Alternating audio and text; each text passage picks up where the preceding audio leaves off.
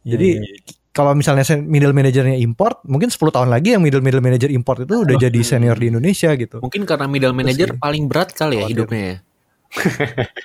Paling berat. Benar. Iya, Tekan kan dari atas bawah, bawah. sama bawah ditekan, di atas, di- eh sama atas ditekan, di bawah minta promosi. Mungkin gitu kali ya. Oh, gitu caranya sekarang. Waduh. Eh, Aduh, curhat atau gimana? Mungkin gue yang minta promosi kayaknya. Caranya promosinya lewat podcast ya. Bagus. Bagus. Oh, oh, oh, oh, ini artis Iya. artis tahun ya mau.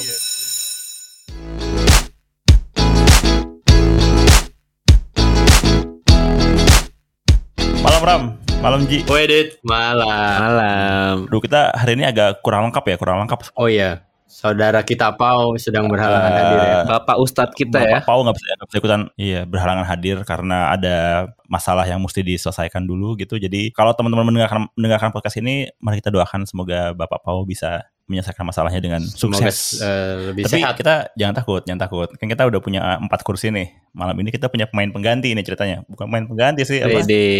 Hasil transfer nggak transfer juga sih. Kita pinjam satu game aja lah ini ceritanya. Kita Oh, punya dipi- dipinjemin ya. dipinjemin, dipinjemin, dipinjemin. Ibaratnya siapa ya kemarin? Oh, West Ham minjem Jesse Lingard kan dari MU. Eh sekarang bursa transfer ya? Udah, masuk beres, udah tutup, udah tutup. Udah tutup. Udah tutup. Heeh. apa udah kagak boleh lagi beli-beli. Yang boleh eh, buka lapak. Bercanda. Sampai. Jadi kita punya pemain, pemain pinjaman malam ini eh, dan ini kayaknya pertama kali kita apa ya? Kita bakal Meminjam ngobrol- ya? meminjam dan ini mungkin akan terjadi terus ya. Kita bakal lebih sering meminjam-minjam pemain-pemain eh, legion-legion asing nih kayaknya nih. Jadi Hmm. sekarang kita punya teman baru. Saat malam Bapak Gio. Wah ini Hello. bapak bos kita semua. Halo, selamat malam semuanya. Ya, ya, ya. Ini bos kita semua nih. Gua mesti- Iya, bapak bapak ini kalau kita ketemu langsung gua udah cium tangan ya sama Gio nih. Oh, itu daripada Gua- cium tangan, beliin GoFood aja lah. Beliin aja bisa. Ya nggak usah gitu-gitu amat dong. Mesti banget nih bawa merek. Iya makanya baru bukannya langsung punya promosi loh. Luar biasa loh. Kebutuhan, kebutuhan. kebutuhan Itu mungkin SOP, SOP, SOP, SOP. SOP. Sope, sope, sope. Udah, udah, udah, udah diatur itu, udah diatur. Yuk, apa kabar yuk? Baik, baik. Alhamdulillah, alhamdulillah. Masih Ah. sehat walaupun bosan di rumah. Nah, Oke. Jadi lu selama ini kalau misalnya nggak tahu ya, kalau kita kan selama ini sering ngomongin soal bosen kerja dari rumah gitu ya. Ada nggak sih hal yang lo lakuin supaya nggak bosen gitu? Em, sebenarnya kemarin tuh lapangan badminton dekat rumah tuh masih dibuka tuh kemarin-kemarin. Tapi sekarang udah ditutup nih tiga minggu. Jadi udah bosen banget nih, nggak bisa nggak bisa ada kegiatan sama sekali. Ya jadi ini di rumah aja, banyaknya jadi main game aja. Atau Itu- ini ngobrol-ngobrol sama lu pada. Lu main badminton juga berarti selama Iya, COVID ini. Makanya dia dia rilis banget datang nih. Kemarin sempat masih dibuka, gue masih main. Tapi sekarang udah tutup, udah tiga minggu ditutup. Alasannya? Eh, kan yang aturan baru itu, yang PSBB baru nasional itu, nah itu dia nutup semua gelanggang remaja. Oh, yang weekend ditutup itu ya? Enggak, dia sekarang tutup total deh. Pokoknya semua gelanggang remaja ditutup. Nah kan lu buka- bukan remaja yuk. Bener juga ya. yang, yang ditutup yang bukan remaja. Mestinya lo bisa protes ya. Bener juga. Ya udah gue gue antar protesnya. Padahal gue mainnya bawa bapak semua di situ. Nah itu dia lu bawa KTP aja, gue udah bukan remaja lagi pak gitu. Oke menarik menarik menarik. Nah ini sehat nih soalnya kan larinya ke olahraga meskipun akhirnya nggak tahu sekarang lu lagi lagi namatin game apa? Yuk ada game apa? gue gue main MMORPG sih, eh, FF14. Wes. Wih. Gue Aduh. belum pernah main F14. Anyway, kita malam ini pengen ngomongin apa nih, gengs? Iya, kenapa nih kita sampai ngundang Bapak Gio ke sini nih? Kita pengen ngomongin hal yang super serius nih kayak malam ini, yang mungkin apa ya? Ada masalah yang kita lihat sering ada mungkin ya di di di di konteks atau di dalam lingkungan startup gitu ya. Tapi juga apa perlu kita bahas lebih dalam karena ini masalah yang kayaknya sih cukup sering berulang gitu ya, yaitu soal kepemimpinan atau soal leadership. Menurut lu gimana Ji? Ada gak sih masalah soal leadership yang lu alamin yang mungkin sedang dialami di perusahaan lu atau lu sering, sering denger dari teman-teman yang lain gitu mungkin? Ada gak Ji? Iya. Kalau leadership di di Indonesia ya terutama ya eh, ya karena gua memang sosial startup eh, gua juga bergerak di bidang kepemimpinan gitu kan. Eh, dari penelitiannya IDN IDN Times saja dari eh, katanya cuma 7% dari millennials Indonesia itu yang punya kemampuan sebagai pemimpin gitu. Jadi cuma 7% doang gitu. Nah 93 persennya itu eh ya memang mereka nggak bisa memimpin gitu kan. Jadi memang eh, sekurang itu nih leadernya Indonesia.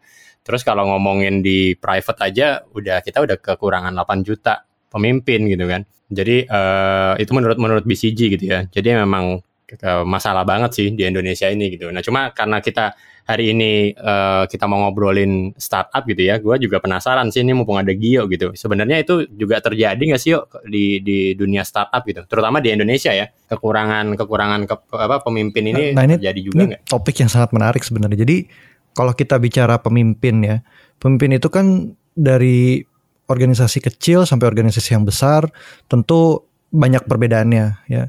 Kalau misalnya kita bicara organisasi yang masih kecil, mungkin dari sudut pandang struktur organisasi ya pemimpinnya layernya juga cuma satu gitu ya. Tapi yang sering kali menjadi masalah di Indonesia itu ketika organisasi yang kecil tersebut sudah berkembang menjadi lebih besar, itu sering banget nih kasus ya terjadi void di tengah. Jadi organisasinya udah makin besar, orangnya udah makin banyak, tapi belum ada yang step up di tengah sehingga eh, terjadi vakum dan eh, organisasi itu kadang-kadang suka jadi ada ketidakjelasan, kegejean gitu. Contoh ya, misalnya kan organisasi kecil itu dia nggak butuh banyak aturan kan, ya dia ngikut aja kata si CEO-nya apa gitu, timnya cuma 10 orang ya udah kelihatan jelas tuh harus ngapain. Tapi kalau tim udah gede kan perlu sistem, perlu proses. Nah, untuk membangun sistem dan proses ini kan dibutuhkan a bandwidth management ya. Bandwidth management tuh orang-orang yang memang full time dia jadi manajer gitu ya dan ngerjain improvement untuk organisasi. Ini yang sering kali miss, sering kali kekurangan. Sebutan lainnya tuh middle, middle management ya, kalau nggak salah ya. Iya, middle management Oke, ya. ini Hmm, benar. menarik banget ya. Ini mungkin gue penasaran deh. Tadi kan si Aji juga ngomong kalau misalkan kita kekurangan leader gitu. Terus eh, Mas Gio juga ngomong kalau kita eh, di dalam startup juga kekurangan tadi mostly di middle manager ya. Padahal kenapa ya? Kan kita dari kecil sebenarnya udah dididik tentang leadership kan. Kayak misalkan coba deh, gue nggak yakin apakah di luar negeri itu ospek sampai setahun gitu kan. Itu kan sebenarnya kita dididik leadership kan. Enggak juga sih. Eh, yang yang yang yang gue dengar ya pola pendidikan Indonesia itu kurang mengajarkan leadership sih Ram. Ospek aja itu kalau lo dalamin kita dulu nggak tahu ya zaman lo ya Ram. Zaman gue itu ospek banyak kan kayak senioritasnya gitu loh. Daripada kayak ngebiarin lo nyoba memimpin gitu. Itu kayaknya malah malah menurut gue malah itu menenggelamkan sifat kepemimpinan. Itu ini ini ini eh, ya personal opinion aja ya. Tapi banyak banget sih kayak hal-hal yang yang tentang leadership itu nggak nggak kita pelajarin di sekolah. Menurut gue sih gitu Apa ya. jangan-jangan dampak ospek ini berdampak terhadap kita tidak bisa melakukan leader dengan baik? Iya. Kayak sebentar sebentar banget kayaknya ospek. Ya, kalau gue ngeliatnya ospek sebenarnya gak ada dampak apa-apa sih, dampak baik positif. Gak ada nyambung-nyambungnya sebenarnya. Gak ada nyamuk-nyamuknya. Dua hal yang berbeda ya. Tapi kalau kalau kalau bukan pendidikan berarti apa dong yang kira-kira yang membuat orang Indonesia kok leadership skillnya kurang ya? Nah, gue gue setuju, gue setuju problemnya di pendidikan sih. Cuman memang bukan ospek karena ospek kan cuma sebentar banget ya. Ospek kan paling kuliah 4 tahun paling ospek 6 bulan gitu setahun paling lama. Ya, tapi kalau misalnya kita bicara pendidikan memang eh, dicurigai ya eh, kecurigaan gue adalah mungkin bukan masalah kita perlu ada mata pelajaran pen- leadership, tapi leadership itu seharusnya kan di embed atau di ditaruh di semua pelajaran ya. Contoh kan kita sering dengar ya kalau kita bandingin pendidikan barat sama kita. nggak tahu sih teman-teman mungkin bisa konfirmasi, tapi kayaknya kalau di Ya, barat itu kan anak kecil tuh dari kecil udah diajarin presentasi ke teman-temannya kan. Hmm. Udah di- diajarin di depan umum Ya, gitu ya, ya. ngomong gitu. Itu aja masih kurang di kita gitu. Iya, kalau misalnya ditunjuk guru pura-pura nggak lihat gitu kan kalau gitu kan. pura-pura bersihin meja. Iya. Oh, Berarti lo kayak gitu ya? Iya sih, ya, gue gua, gua juga agak setuju sih di, di, di hal itu ya. Dan memang apa eh, budaya buat step up gitu kali ya, apa mau maju gitu tanpa disuruh kali ya itu yang yang yang agak kurang ya bener ya, bener sih. bahkan di pola pik apa pola pendidikan orang tua itu juga ngaruh yang yang gue pelajarin gitu ya Eh, banyak nih ya ini nggak nggak semua sih banyak orang tua di Indonesia itu kayak tidak menghargai anak kecil gitu loh jadi kalau anak kecil tanya eh, refleksnya orang tuanya tuh kayak wah anak kecil kebanyakan tanya gitu atau kalau enggak oh masih kecil ntar aja eh, dijelasinnya kalau udah gede gitu. Nah kayak gitu gitu itu membuat dia tidak dihargain kan. Jadi akhirnya buat dia berani nanya berani keluar gitu ya itu jadi jadi enggak jadi minder akhirnya gitu. Sedangkan kalau kalau sepengalaman gua dulu waktu gua di Jerman itu bahkan orang kalau ngomong ke anak kecil mereka jongkok gitu saking mereka mau menyetarakan gitu, menyetarakan antara si anak kecil sama orang tuanya gitu. Jadi nggak nggak ada tuh orang tua ngomong ke anaknya sambil berdiri gitu. Mereka pasti jongkok. Gitu sih. Mungkin hal-hal kecil kayak gitu juga kali ya. Atau gue juga apa ya? Ya ya, ya mungkin sependapat sama lu apa bahwa anak kecil juga anak-anak tidak diajarkan buat berani berekspresi, berani berani mengungkapkan mereka lagi mikir apa gitu ya, lagi apa yang di kepala mereka gitu. Tapi juga kayaknya gue pengen menyoroti emang apa ya? Mungkin juga karena karena faktor di kita kan sempat lama tuh di orde baru ya yang mana yang mana mentalitas asal bapak senang itu udah embedded banget di di kita gitu kan. Jadi belum lahir ya, belum lahir. Bisa. Belum lahir kayaknya. Jadi kita nggak biasa buat kritis gitu, nggak biasa buat apa? Buat ah gue mesti berbuat sesuatu supaya gue bisa kontribusi bisa kontribusi gitu. Yang penting bapak gue seneng aja lah gitu. Kan itu agak lama tuh mental itu embedded di kita ya. Meskipun udah 30 tahun yang lalu kali ya. Ya, ya tiga hampir 30 tahun yang lalu gitu. Tapi kita belum bisa move on dari situ gitu. Jadi itu yang bikin apa, uh, mungkin jadi agak agak agak keserak-serak bagian situnya sih gitu. Meskipun kalau gue ngeliatnya waktu waktu gue jadi dosen gitu, anak-anak muda di yang di bawah kita gitu ya itu emang udah lebih berani buat ngomong berani buat berekspresi gitu jadi mungkin nantinya sih bisa Hmm, lebih baik Oke oke oke. Oke, eh, back eh, back to startup life gitu ya. Apa sih yang kalian lihat be- bedanya eh, leadership style-nya kalau di startup company eh, sama di eh, mungkin non non startup company gitu? Ada ada yang khas nggak dari cara memimpinnya? Gua nyumbang satu deh. Eh, hmm. Gimana Kayaknya ya? yang paling yang paling obvious itu startup itu kan ya maksudnya mungkin gue kaitin ya dengan dengan eh, konsep startup. Startup itu kan perusahaan baru ya. Dan Hmm. banyak startup yang masih eh, istilahnya uangnya itu Yep. dia belum belum profit kan, belum profitable. Itu kan masih uangnya dari investor. Berarti kan kesimpulannya dia Yep. cuma punya waktu se- sedikit untuk membuktikan bahwa dia tuh bisa sukses. Nah, sehingga mentalitas asal bapak senang itu hampir nggak ada di startup. Karena kan harus sukses, harus revenue. Ya mau bapaknya senang tapi nggak ada revenue, Hmm. bangkrut gitu kan. Jadi itu sih yang paling membedakan menurut gua startup itu mentalitas asal bapak senangnya lumayan nggak ada sih. Orang-orang tuh ya result gitu. Harus harus. malah malah harus ngomong ya yo ya kalau di startup kan kalau gua baca di bukunya eh, Netflix pun itu malah eh, lo diwajibin ngomong kalau di depan Benar. ada gunung gitu Hmm, kalau lo nggak ngomong malah disalahin rame-rame gitu kan karena kan benar. eh, berbahaya gitu buat buat company Oke, eh, ta- tapi tapi sebenarnya masalah yang tadi yang gue ceritain itu tentang masalah middle management itu void itu sebenarnya bukan cuma di startup sih, itu common. Jadi kan kalau tadi gue perbedaannya ya, kalau common memang middle management di Indonesia pada umumnya itu selalu eh, kekurangan, itu memang fakta gitu ya. Gue beberapa kali kalau ngelihat eh, part dulu kan ada partner ya, terus juga dulu pernah klien gitu. Gue gue merhatiin tuh, memang middle management itu selalu jadi masalah karena kan kalau founder itu eh, dia yang punya company, jadi kan tentu dia terbentuk rasa tanggung jawabnya karena dia yang ngeluarin duit atau dia ngeluarin effort dari awal. Hmm. Nah, middle managementnya ini belum ada atau masih sedikit middle manager yang profesional di Indonesia. Makanya yang dikhawatirin tuh kita iya, jadi iya. import sih, import import middle manager. Padahal ya middle manager itu kan eventually jadi senior senior leader kan gitu. Jadi Iya, iya. Kalau misalnya middle manajernya import, mungkin 10 tahun lagi yang middle middle manager import itu udah jadi senior di Indonesia gitu. Mungkin karena middle manager sih. paling berat kali ya Khawatir. hidupnya ya. paling berat Benar. Iya, Tekan kan dari atas bawah, bawah. bawah ditekan, di atas, di- eh sama atas ditekan, di bawah minta promosi. Mungkin gitu kali ya. oh gitu caranya sekarang Waduh, Eh, Aduh, curhat atau gimana? gua.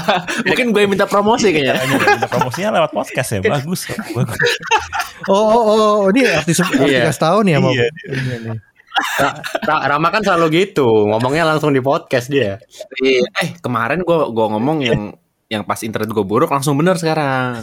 Oke, padahal itu disensor ya. Padahal mereknya udah disensor tuh, tapi kerasa kayaknya. Siapa tahu bulan ini tiba-tiba, oh kok nambah ya? Eh, berarti dengar. Iya. Makanya mungkin bos lo dengerin podcast ini jadi besok naik gitu kan promosi gitu kan mungkin lo. Doain aja. Kalau dari lo gimana Ram? Apa yang lo rasain di startup Ram?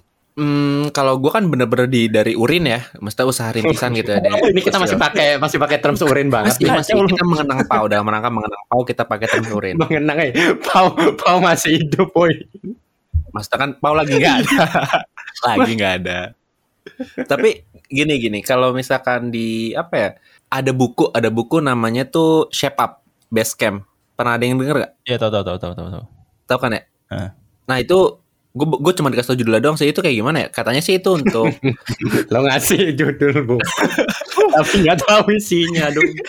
kan gue cuma denger doang katanya itu emang untuk eh, perusahaan yang memang di yang masih small team gitu ya jadi eh, karena kan ada perbedaan antara small team sama ada big team gimana kalau misalkan big team kan tadi ada tuh harus ada middle management harus ada ya nggak tahu sih gue ada apa ya cuman kalau yang di case gue blur banget gitu ya yang namanya manajemen tuh blur banget.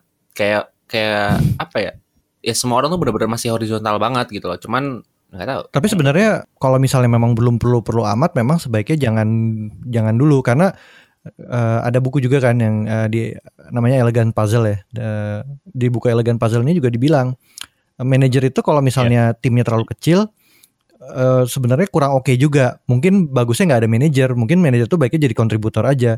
Karena kalau manajer Hmm. timnya kecil, jadinya dia cuma nyuruh-nyuruh doang, kerjaannya juga dikit Iya. jadinya dia kayak gabut gitu buat buat organisasi juga nggak efisien juga jadi memang memang harus menunggu saat yang tepat sih ini yang tricky ya ada organisasi gitu ya masih kecil terus dia pelan-pelan jadi gede nah saat yang tepat kapan ini nggak ada jawaban pastinya sih jadi kapan nih harus ada eh, manajer di tengah kapan harus bikin layer baru nah itu saya bukan saya apa ya istilahnya Eh, bukan pure science ya harus ada ininya juga ya Oh, nih gue jadi punya pertanyaan nih. Kan tadi Mas Gio ngomongnya manajer ya. Sekarang gue tanya, apakah manajer itu sama dengan leader? Apakah leader sama dengan manajer? Karena kan kalau misalkan tadi di perusahaan mungkin di perusahaan kecil eh, mereka nggak butuh man- manajer gitu ya. Cuman apakah berarti di perusahaan kecil nggak punya nggak butuh leader? Eh, so sorry gue ralat tadi di perusahaan kecil tuh bukan berarti nggak butuh manajer tapi mungkin layernya tidak butuh, tidak perlu sebanyak itu gitu jadi mungkin cuman ada boardnya atau ownernya foundernya terus langsung timnya. Nah mungkin seperti itu gitu. Nggak apa-apa gitu. Tapi bukan berarti si founder-foundernya itu nggak memanage dan nggak ngelit kan? Mereka kan manage dan ngelit gitu.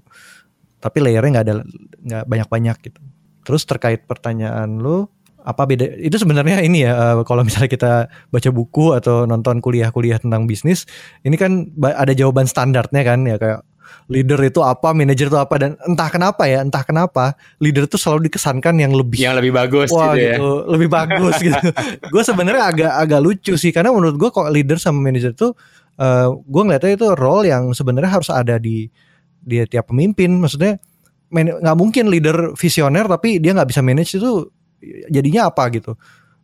Maksudnya orang yang cuma bisa punya visi inspirasional tapi ketika ayo execute bareng itu zaman sekarang udah nggak laku Iya orang benar. yang cuma ngomong doang nggak nggak nggak ini gitu Berarti itu dua Bisa- dua bisa. role yang harus dimiliki gitu ya. Kalau leader dia memberi arah, kalau manager ya berarti dia bagaimana mengeksekusi gitu kan. bisa dibilang begitu Iya, ya iya. dan itu tapi proporsinya harus ada di setiap uh, pemimpin gitu Iya, di, di mana apa gua. di perusahaan Kalau lo Dit, gimana Dit? Lo pengalaman lo apa yang berbeda dari kepemimpinan di startup Dit? Apalagi kepemimpinannya remote ya. Oh iya, apalagi kepemimpinannya remote. Lo kan eh, full remote. Ya kalau gue sebenarnya mau remote nggak remote sih masalah beda pendekatan kali ya kan kalau yang ketemu langsung kan lebih bisa pendekatannya kan dengan berbagai cara yang apa yang pakai fisik lah ya gitu misalnya misalnya nih misalnya ada manajer baru terus dia ngajak anak buah anak buahnya makan siang bareng gitu itu kan kayak hal yang lumrah ya nah kalau di gua nggak bisa kayak gitu. Ada manajer baru ya udah gitu. Nggak ada bedanya juga. Ketemu kan juga nggak ketemu juga gitu kan. Tapi memang gua ngelihatnya di tempat gua itu em- emang isinya tuh orang-orang yang udah pada senior senior semua sih ya. Jadi eh tadinya sih timnya tadinya timnya bener-bener ya tadi ya saya emang tadi bilang ya agak agak horizontal gitu. Jadi emang agak rata semuanya cuma berapa belas orang gitu kan. Sekarang udah 60 orang ya udah dibagi dalam kelompok-kelompok kerja yang lebih eh, fokus gitu. Dan masing-masing jadi jadi jadi, jadi mulai muncul tuh mulai muncul kebutuhan middle manajemennya middle manajernya gitu. Ya dan gue dan gue ngeliat si middle middle manager ini memang orang-orang yang udah sangat pengalaman. Eh, mereka membawahi timnya sih juga mungkin gak gede-gede amat ya sekitar 7-8 orang per tim gitu ya. Tapi mereka bisa benar-benar mem- mem- membuat si anak buahnya ini fokus gitu. Fokus di kita mesti mengejar target yang mana nih gitu. Dan gue perhatiin di berbagai tim yang ada di tempat gue sekarang tim yang perform bagus itu yang emang ya emang tim yang manajernya bagus gitu jadi gue jadi belajar gitu bahwa eh, si manajerial apa aspek manajerial orang gitu itu ternyata ya memang sangat dibutuhkan gitu. Nggak nggak apa nggak bisa dilewatin gitu aja gitu. Nggak bisa kita nggak bisa cuma ngarepin oh di tim kita ada satu developer yang rockstar yang super jago kita kita bakal aman gitu. Ya nggak juga gitu. Karena kan ini ujung-ujungnya tim sport ya apa? Gue sepakat sama eh, Didit sih. Itu gue pernah baca buku kalau model-model kepemimpinan kayak gitu kan disebutnya sekarang uh, collective leadership gitu ya. Jadi power itu udah nggak terpusat di satu orang nih kalau model kepemimpinan dulu kan powernya di satu gitu kan di leadernya yang paling tinggi gitu kan dia semua mengambil keputusan buat semuanya gitu. Nah kalau di model yang uh, lebih modern sekarang kan powernya itu kekuatannya itu lebih tersebar. Jadi kayak semua orang itu berhak mengambil decision gitu kan. Jadi akhirnya decision makingnya juga jadi lebih cepat gitu kan. Uh, dan orang-orang akhirnya jadi lebih ke terempower gitu kan buat dia jadi jadi pemimpin. Karena dia dikasih kesempatan buat mengambil betul, keputusan betul, gitu kan. betul. nah itu, itu gue ngeliatnya si manajer yang zaman sekarang tuh ya manajer yang yang bagus yang gue pernah ketemu dalam karir gue gitu itu manajer-manajer yang selalu bisa jadi enabler apa penghilang blocker gitu loh jadi yeah, yeah. itu cuma mastiin bahwa semua yang di bekerja sama bekerja bareng gue itu nggak ketemu hambatan di dalam pekerjaan sehari-hari jadi dia tugasnya cuma nyabutin hambatan-hambatan itu aja gitu. Itu by the way itu ada itunya loh, ada konsep uh, ada konsepnya loh, ada bukunya juga. Uh, servant leadership. Nah, itu benar. Wah, ya gua baru banget hari ini juga nonton LinkedIn learningnya servant leadership.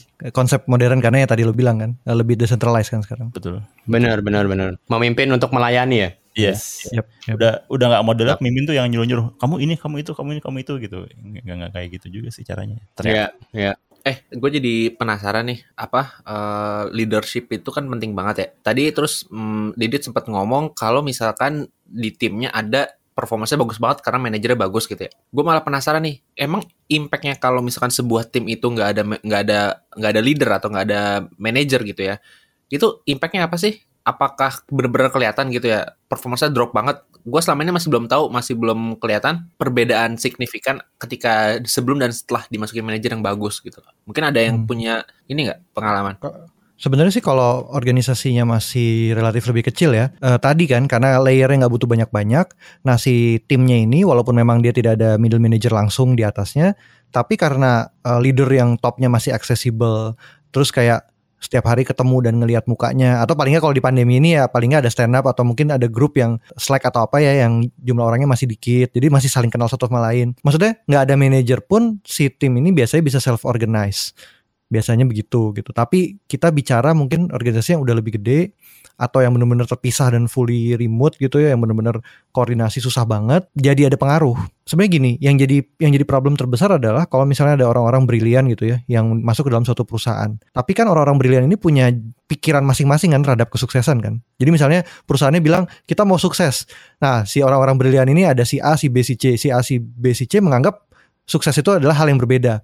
Nah kalau misalnya nggak ada manajer yang bisa mengarahkan sukses itu seperti apa, orang ini akan jalan sendiri-sendiri. Ya maksudnya kalau gue ngambil contoh klub bola ya, Madrid waktu pemimpin apa pelatihnya nggak bener emang juara champion. Nggak kan begitu pelatihnya Zidane kan baru jadi sering juara champion kan. Yeah, itu sih yeah. maksudnya analogi yang gue lihat sih. Karena sebenarnya orang pemain Madrid kan jago-jago semua kan kalau ngomongin bola gitu. Ya gue gara-gara lo ngomongin Madrid, uh, Madrid tuh gue jadi inget kata-katanya si siapa uh, pelatihnya Madrid sebelumnya uh, Mourinho Mourinho. Uh, jadi si Mourinho itu bilang gitu waktu dia jadi pelatih uh, tugasnya dia itu bukan ngajarin si Cristiano Ronaldo buat nendang bola gitu atau buat uh, ngajarin uh, Casillas buat nangkap bola gitu ya. Mereka udah ngerti gitu caranya. Tapi tugasnya dia sebagai pemimpin gitu ya, itu memastikan kalau semua orang yang tadi jago-jago itu bisa bermain di dalam tim. Nah, itu tugasnya leader tuh gitu. Jadi benar kata kata Gio tadi, segitu pengaruhnya tuh seorang pemimpin karena pemainnya bagus semua pun kalau nggak bermain di dalam tim itu nggak jadi apa-apa juga. Yap, yap. Karena nggak lain tadi kan, jago sih, jago. Tapi kan main sendiri sendiri. Sukses itu beda. Mungkin kalau Cristiano Ronaldo, gue harus bawa bola sendiri nyetak gol gitu. Padahal kan ya kan harus oper-operan gitu kan ya kayak. Benar, benar, benar. Dan dan benar kalau kita ngomongin manajer kan kita ngomongin satu organisasi ya. Satu kumpulan ini kan mesti sama ya, mesti menuju ke arah yang sama gitu kan. Nah, yang gue perhatiin kalau manajer yang nggak oke, itu jadi nggak bisa digiring ke arah yang sama gitu. Jadinya kayak ketinggalan sama yang lain gitu. Padahal mungkin timnya kerja oke, perform, deliver gitu cuman ternyata hasil yang di deliver masih nggak nggak begitu lain sama yang di kebutuhan si kebutuhan si organisasinya gitu itu sih ya kalau menjawab pertanyaan si Rama tadi. Wih mantap mantap. Ada lagi nih, ada lagi nih.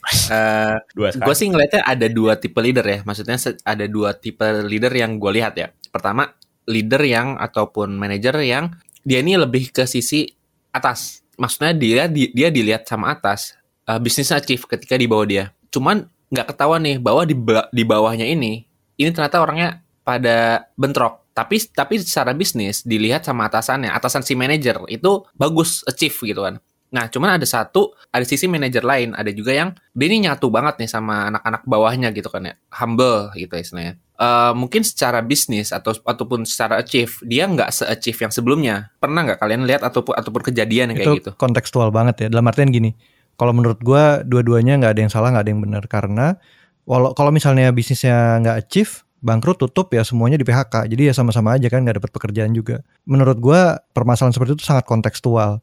Karena bisa aja memang ya kan kalau misalnya si pemegang sahamnya merasa wah lo nggak achieve udahlah gue bubarin aja perusahaan PHK tuh semua tim lo gitu. Ya ya udah nggak dapat pekerjaan juga gitu kan.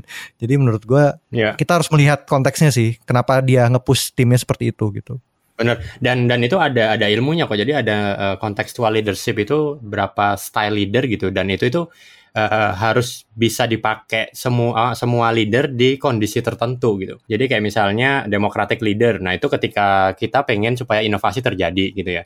Nah tapi democratic leader ini nggak bisa dipakai di saat krisis nih gitu. Lo lagi perang gitu kan, terus harus demokratis dulu. Guys kita enaknya ke mana ya? Bubar bro, mati semua satu tim gitu kan.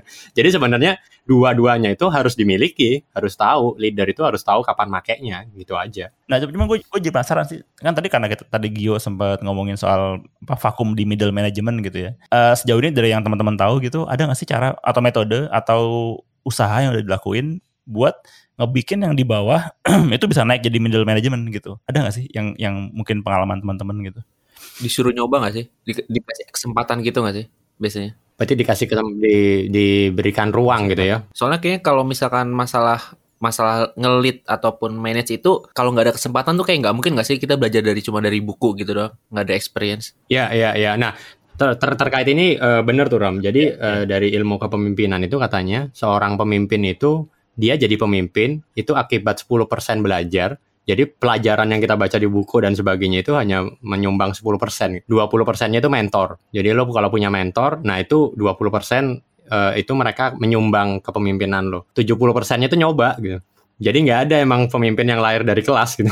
Tiba-tiba habis ikut kelas bootcamp kepemimpinan terus tahu dia jadi leader gitu. Nggak mungkin gitu. Nah Sepakat, betul tuh. sepakat. lanjutannya berarti kan gimana caranya kita mencetak orang-orang yang jadi middle manager jadi middle manager kan? Eh, memang tapi gue setuju sih. Memang cara yang tercepat ya harus eh, coba ya. Eh, ada ada konsep juga yang mungkin lumayan umum dipakai di organisasi itu adalah ini ada agak terkait tentang terkait dengan promosi ya. Jadi ada ada konsep promosi di mana orang itu bukan dipromosiin baru ngelakuin role-nya tapi dicobain dulu di role itu. Setelah beberapa bulan baru dipromosikan. Jadi promosi itu adalah konfirmasi legitimasi aja gitu sebenarnya gini yang jadi masalah kan kalau misalnya ada orang ya dia bukan manajer misalnya terus dia dipromosiin. Kan kalau dipromosiin kan biasanya ada benefit atau apa yang melekat ya. Nah, gimana kalau tiba-tiba dia nggak chief masa harus di de- demote terus harus diturunin gajinya gitu kan? Itu kan susah di Indonesia gitu ya. Ah, konsep lain adalah ya mungkin dicobain nah dia nggak dia nggak dipromosiin tapi kamu coba saya kasih tanggung jawab lebih di challenge terus di track gitu. Ternyata setelah enam bulan dia berhasil ngelit squadnya atau timnya gitu ya baru dipromot dilegitimasikan bahwa oh ini udah kamu udah layak jadi level ini gitu. Itu itu kejadian sih di organisasi gue sekarang ya itu itu yang terjadi biasanya. Gue baru ngobrol sama ini nih sama Mas Sofian nih. Dia juga sebenarnya eh, katanya emang sekarang lagi lagi eh itu ada ada ada ada masalah di middle manager ya kan? Jadi kalau misalkan menurut dia salah satu caranya itu dia akan dia sebenarnya udah punya beberapa orang yang potensiali untuk dipromot gitu ya. Nah cuman dia butuh satu orang yang udah jadi itu untuk jadi middle manager yang experience gitu loh jadi yang bisa jadi peg, bisa jadi contoh bisa jadi apa ya eh, yang potensial itu bisa bisa tahu loh oh ini best practice-nya kayak gini gini gini mungkin itu salah satu caranya juga kali ya Ya harus memang harus di coaching sih. Jadi tadi sempat ada bilang siapa Aji tadi ya, yang bahwa kalau misalnya pemimpin kan harus dicoba. Nah, tapi kalau organisasinya udah running dan lo butuh cepat ya supaya orang-orang ini jadi, ya memang harus ada coachnya. Dan coach Iya, yang ada terbaik mentornya. adalah orang yang sudah ada di posisi itu atau satu dia satu tingkat di atasnya gitu. Iya, iya. iya. Mungkin si Sofian suruh coaching tuh orang-orang yang potensial tadi. Mana kalau kita panggil Sofian di next episode? kita undang Sofian. Ya, Oke. atau- ya kalau mau coaching mesti hati-hati jangan sampai beli coaching dalam karung. Waduh, ntar dicakar ya Pak ya. Oh. Mungkin gua nambahin dikit kalau gua lebih ke pribadi ke ke pribadi orangnya ya, jadi bukan ke sistem perusahaannya. Itu kata ada satu teori yang bilang kalau meningkatkan leadership lo itu lo dengan journaling, dengan lo nulis gitu. Karena dengan lo nulis itu lo bisa nge-track pertumbuhan lo lah gitu. Jadi misalnya kayak eh, kemarin lo uh, ada masalah apa nih gitu. Terus habis itu uh, lo tulis gitu ya. Habis itu besoknya gitu lagi tulis lagi gitu. Nah, akhirnya jadi lo berasa perkembangannya dan di mana masih yang masih kurang gitu. Jadi akhirnya lo bisa develop terus uh, kepemimpinan lo gitu. Selain yang tadi ya nyoba dan sebagainya gitu. Gitu sih. Dit. Kalau dari lo ada tips nggak menurut lo? Kalau lo sendiri deh meningkatkan kepemimpinan lo gimana, Dit? Susah sih karena gue juga nggak pernah bisa mendefinisikan dengan jelas apa itu kepemimpinan ya. Tapi Wis. ya apa ya kalau gue ngeliatnya mungkin dari paling fundamental ya masalah tanggung jawab gitu kan. Eh, apa gimana kita bisa carry apa melaksanakan tanggung jawab kita sehari-hari gitu. Ya hal yang gampang-gampang aja dulu gitu. Misalnya mungkin di di rumah gitu kan mulai dari ngatur waktu, ngatur apa target yang pengen dikejar hari ini bisa kecapai semua apa enggak gitu kan. Jadi paling enggak kita ke diri kita sendiri dulu juga udah bertanggung jawab gitu, udah bisa nge- ngebimbing diri kita ke tempat yang semestinya, ya barulah kita bisa ngebimbing orang lain kan gitu ya. Sama mungkin kedua sih soal komunikasi kali ya. Eh, apa ya gue ngeliat emang ada orang-orang yang ya komunikasi kan cara caranya orang komunikasi beda-beda ya gitu. Cuman gue ngeliat orang-orang manajer yang menurut gue oke dalam dari pengalaman gue itu memang mereka yang punya people apa ya people person lah gitu. Jadi mereka bisa ngomong dengan enak ke orang yang berbeda gitu. Itu sih kalau menurut gue yang yang apa kunci salah satu kunciannya kali ya. Jadi untuk menutup diskusi kita, kira-kira apa key takeaways-nya? In- eh kalau misalkan semua orang jadi leader kita nggak butuh leader. Ya kan kata Quran kan juga apa kata hadisnya kulukum roin ya semua kamu setiap kamu adalah pemimpin. Ya gila. Itu penutup Jumat. hari ini. Penutup Cocok cocok Jumat Jumat cocok. Iya. Biasanya kita dengan cerita apa sekarang langsung hadis luar biasa Didit. Iya, ya maksudnya berarti kan semua orang ada pemimpin gitu, cuma tinggal tinggal masalahnya kita bisa nggak di tempat kerja masing-masing itu ngebawa suasana apa ngebawa si organisasi itu ke tempat yang lebih bagus kan gitu ya. Mantap. Yuk, Oke. waktunya yuk, waktunya yuk. Nah, terus. Mohon pisan yuk. Thank you thank you semua udah Thank diundang. Yo, Gio. Jangan kapok kalau diundang-undang lagi. Wah, Oke. Mungkin besok kita bisa rekaman podcast di Gor yang Sambil main bulu tangkis. Tapi harus remaja bro. Oh iya, Harus remaja. sama aja udah. gua gua gua bisa gua bisa. Eh lu udah udah ketuaan lu, udah nggak Lu, lu ada nontonin gue main?